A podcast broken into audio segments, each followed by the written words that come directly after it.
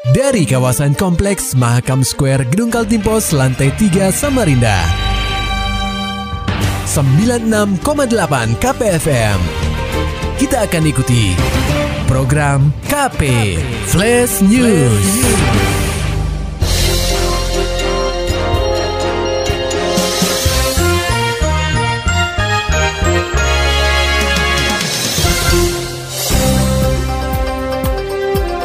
Pendengar KP, Muhammad Sabani resmi menjadi Sekretaris Provinsi atau Sekprov Kaltim. Pengukuhan Sabani sebagai orang tertinggi di kalangan ASN Pemprov Kaltim berdasarkan surat keputusan Presiden nomor 158 TPA tahun 2020 tentang pengangkatan pejabat tinggi media di lingkungan pemerintah Provinsi Kalimantan Timur. SK Presiden itu memutuskan mengangkat Muhammad Sabani sebagai pembina utama media sebagai Sekretaris Daerah Provinsi Kalimantan Timur, terhitung sejak saat pelantikan. Sabani dilantik langsung oleh Gubernur Kaltim Isranur. Kegiatan berpusat di kantor Gubernur Kaltim Jalan Gajah Mada Samarinda, Selasa 29 September 2020. Isran mengatakan terpilihnya Sabani menjadi Sekprov Kaltim melalui proses seleksi. Ya, seleksi. Sabani itu kan zamannya dulu sudah pernah ikut sama-sama dengan sekretaris lama Pak Smadi. Ya, perjuangannya panjang. Nggak usah ditarik lah. Langsung dari Nggak usah, nggak usah diambil hati. Siapa? Suratnya langsung dari Kemendagri gitu Pak ya? Oh lain dari anu dari presiden. Siap, siap. Sementara Muhammad Sabani saat ditemui awak media mengatakan, jabatan yang diembannya sekarang bukan untuk ajang unjuk gigi, melainkan untuk saling berkoordinasi. jalankan. Tentu saja tidak akan bisa diemban secara sendirian ya dan dukungan semua pihak itu pasti sangat diperlukan. Karena bagaimanapun kemampuan individu itu tidak akan ada artinya tanpa kerjasama dengan segala segalanya. Diketahui, Muhammad Sabani sempat menjadi penjabat atau PJ Sekprov Kaltim selama kurang lebih empat bulan. Menurut Sabani, tidak ada perbedaan besar dengan pekerjaannya antara menjabat sebagai PJ atau Sekprov definitif. Pendengar KP, Bawaslu dan pemerintah mulai tertibkan APK calon wali kota dan wakil wali kota Samarinda. Laporannya disampaikan reporter KPFM Samarinda, Maulani Alamin. Pendengar KP, Badan Pengawas Pemilu atau Bawaslu bersama Satpol PP dan Dinas Perhubungan Samarinda mulai menertibkan alat peraga kampanye yang tidak sesuai ketentuan. Ketua Bawaslu Samarinda Abdul Muin mengatakan, penertiban dilaksanakan secara bertahap. Pada Senin 28 September 2020, penertiban terpusat di empat kecamatan, yakni Kecamatan Samarinda Kota, Ilir, Utara, dan Ulu. Karena kalau kita bicara soal aturan, sebetulnya yang punya tanggung jawab untuk menentukan itu adalah pasangan calon. Tapi apa pun itu, karena ini konteksnya adalah pelaksanaan pilkada di di luar Samarinda, maka tentu Bawaslu sebagai sebagai lembaga yang adalah undang-undang melakukan pengawasan, tentu kita akan perhatikan itu terkait soal baleho yang kemudian dianggap atau kita juga tidak sesuai dengan apa desain yang sudah disepakati di PKP. Ketua Bawaslu Samarinda Abdul Muin menegaskan, pada penertiban berikutnya, Bawaslu bakal mengajak pihak LO ketiga pasangan calon. Dia juga menghimbau agar tim pasangan calon berinisiatif menurunkan sendiri APK yang tidak sesuai dengan ketentuan. KPFM Samarinda, Maulani Al-Amin melaporkan. Sementara itu pendengar KPFM, BMKG memprediksi bahwa musim kemarau di Samarinda akan berlangsung dalam kurun waktu yang sebentar atau tidak ada sama sekali. Laporan selengkapnya akan disampaikan oleh reporter KPFM Samarinda, Muhammad Nur Fajar. Pendengar KP, dalam beberapa pekan ke belakang, kota tepian terus diguyur hujan dengan intensitas rendah hingga tinggi. Padahal jika mengacu pada fase pergantian musim, Samarinda telah memasuki musim kemarau sejak bulan Juli hingga Oktober nanti. Prakirawan BMKG Samarinda, Sutrisno mengatakan, sampai saat ini belum ada penunjukan peralihan menuju musim kemarau. Sehingga menurut prediksi pihaknya, kemungkinan musim kemarau akan menjadi lebih pendek atau bisa saja tidak ada di tahun 2020 ini.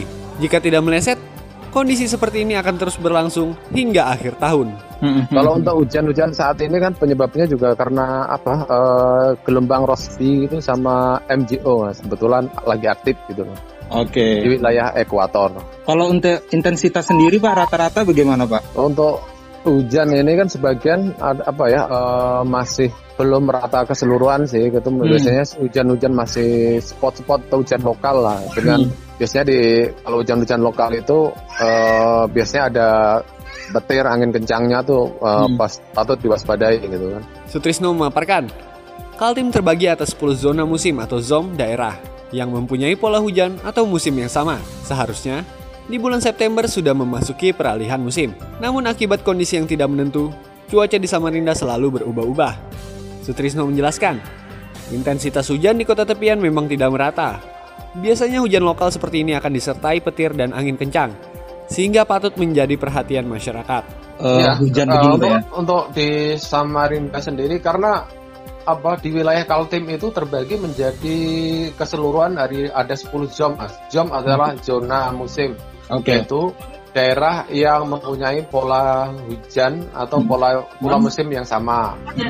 Untuk Samarinda itu uh, Samarinda sama Bukar kemudian Morabada itu adalah satu zon, satu zona musim. Oke. Okay. Uh, kemudian di 2020 ini zoom tersebut kemungkinan uh, dari perakiraan kami itu uh, apa kemaraunya pendek atau bisa juga tidak ada gitu loh. Okay. lebih pendek. Kalau biasanya kan sampai tiga bulan. Ini mungkin bisa hanya setengah bulan atau kurang dari sebulan gitu loh mas. Lebih lanjut, Sutrisno mengimbau kepada masyarakat agar menghindari tempat terbuka saat turun hujan karena sifat petir yang otomatis akan menyambar tempat yang posisinya lebih tinggi dari sekitarnya. KPFM Samarinda, Muhammad Fajar melaporkan. Pendengar KP, Kantor Wilayah Direktorat Jenderal Pajak atau Kanwil DJP Kaltim Kaltara berhasil mengungkap kasus pidana perpajakan yang dilakukan tersangka berinisial MIF dalam kapasitasnya selaku Direktur CVBIS yang bergelut di bidang transportir bahan bakar minyak atau BBM. Kakanwil DJP Kaltim Kaltara Samunjaya mengatakan, Tersangka atas nama MIF diduga melakukan tindak pidana di bidang perpajakan dengan sengaja menyampaikan surat pemberitahuan atau SPT masa pajak pertambahan nilai atau PPN dengan keterangan yang isinya tidak benar. Sekitar 2,9 M, 2,9 miliar. Dari satu perusahaan boleh cerita perusahaannya apa gitu? Perusahaannya bergerak di bidang pengadaan uh, bahan bakar minyak. Tapi nama perusahaannya hanya inisial nanti ada di sini, ya Nanti bagi ya? Nanti dibagi ada di sini. Clear di sini semuanya sih. Samon, sahabat akrabnya menjelaskan, dugaan tindak pidana tersebut dilakukan oleh MIF dalam kurun waktu Januari 2012 sampai dengan Desember 2015. Tindakan MIF ini membuat negara merugi dari sektor perpajakan dengan nilai sebesar 2,9 miliar rupiah. Berdasarkan hasil penyidikan, petugas berhasil menemukan pelanggaran yang dilakukan tersangka MIF pada pasal 39 ayat 1 huruf D dan pasal-pasal 39A huruf A Undang-Undang Nomor 6 Tahun 1983 tentang Ketentuan Umum dan Tata Cara Perpajakan, sebagaimana telah beberapa kali diubah terakhir dengan Undang-Undang Nomor 16 Tahun 2009 Jungto Pasal 64 Ayat 1 KUP. Pertama yang paling clear adalah mungut tapi tidak store. Itu jelas. Loh dari mana Bapak tahunya dia pungut? Dari orang yang melaporkan bahwa dia sudah membayar pajak kepada tuan A atau perusahaan A dan perusahaan ini mengkreditkan. Sementara tadi dia tak stop. Atau itu. Kemudian yang kedua memang manipulasi di transaksi. Jadi disebutkan transaksi yang tidak sebenarnya. Jadi seolah-olah kayak kasus ini itu dia beli BBM sebenarnya nggak ada BBM-nya BBM-nya nggak ada. Harus barang barang itu tidak ada. Jadi transaksi yang disebutkan itu berdasarkan transaksi yang tidak sebenarnya. Usai proses penyidikan, Kejaksaan Tinggi atau Kejati Kaltim menyerahkan tersangka MIF beserta barang bukti kepada Kejaksaan Negeri atau Kejari Samarinda untuk proses lebih lanjut atas kasus pidana perpajakan. Beralih ke dunia olahraga, kondisi atlet yang terdampak COVID-19 sejak Maret 2020 lalu tak luput dari perhatian Kementerian Pemuda dan Olahraga atau Kemenpora Republik Indonesia. Demi menjaga kondisi tetap prima, Kemenpora membagikan vitamin kepada para atlet di seluruh tanah air. Tak hanya itu, Kemenpora juga memberikan masker dan hand sanitizer. Di Kaltim terdapat 1123 paketan dari Kemenpora yang diterima.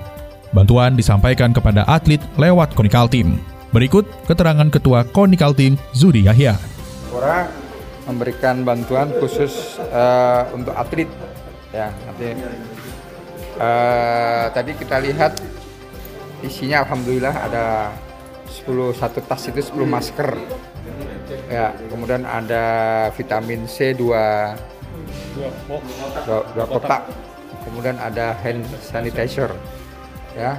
Total. Itu totalnya itu ada 1123. 1123 atlet senior. Nah, untuk atlet sementara senior. Nanti berikutnya insya Allah kita berdoa ada lagi. Jadi sesuai data yang kita berikan. Ketua Konikal Team, Zudi Yahya berharap bantuan ini dapat membuat atlet tetap bersemangat menjalani latihan di masa pandemi COVID-19. Maulani Alamin, Muhammad Nur Fajar, KPFM Samarinda. Dapatkan berita-berita selengkapnya di www.968kpfm.co.id. Demikian tadi telah kita simak rangkaian berita-berita yang terangkum dalam program KP Flash News. Persembahan dari 96,8 KPFM. Terima kasih dan sampai jumpa.